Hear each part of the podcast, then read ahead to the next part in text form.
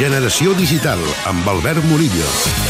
S'ha anunciat una altra compra sonada en la indústria de la tecnologia. Aquesta vegada no ha estat Google, sinó Facebook, qui ha sorprès a tothom comprant l'empresa Oculus Virtual Reality.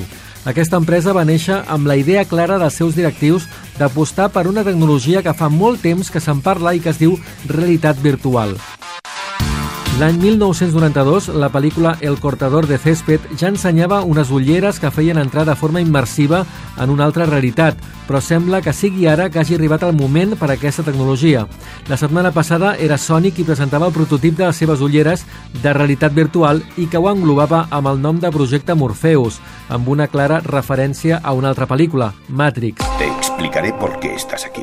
És important deixar clar que aquesta empresa que fa aquestes ulleres i que ha comprat Facebook, encara que siguin unes ulleres, no tenen res a veure amb l'aposta de les Google Glass per part de Google.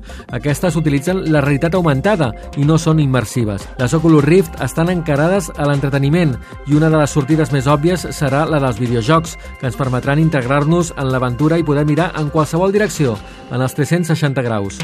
Molts dubten que aquesta tecnologia triomfi i ho comparen amb l'aparent fracàs de les 3D al cinema. Però el resultat és tan espectacular que les persones que el proven es queden de passa de moniato i avui dia poques experiències donen aquesta sensació tan forta.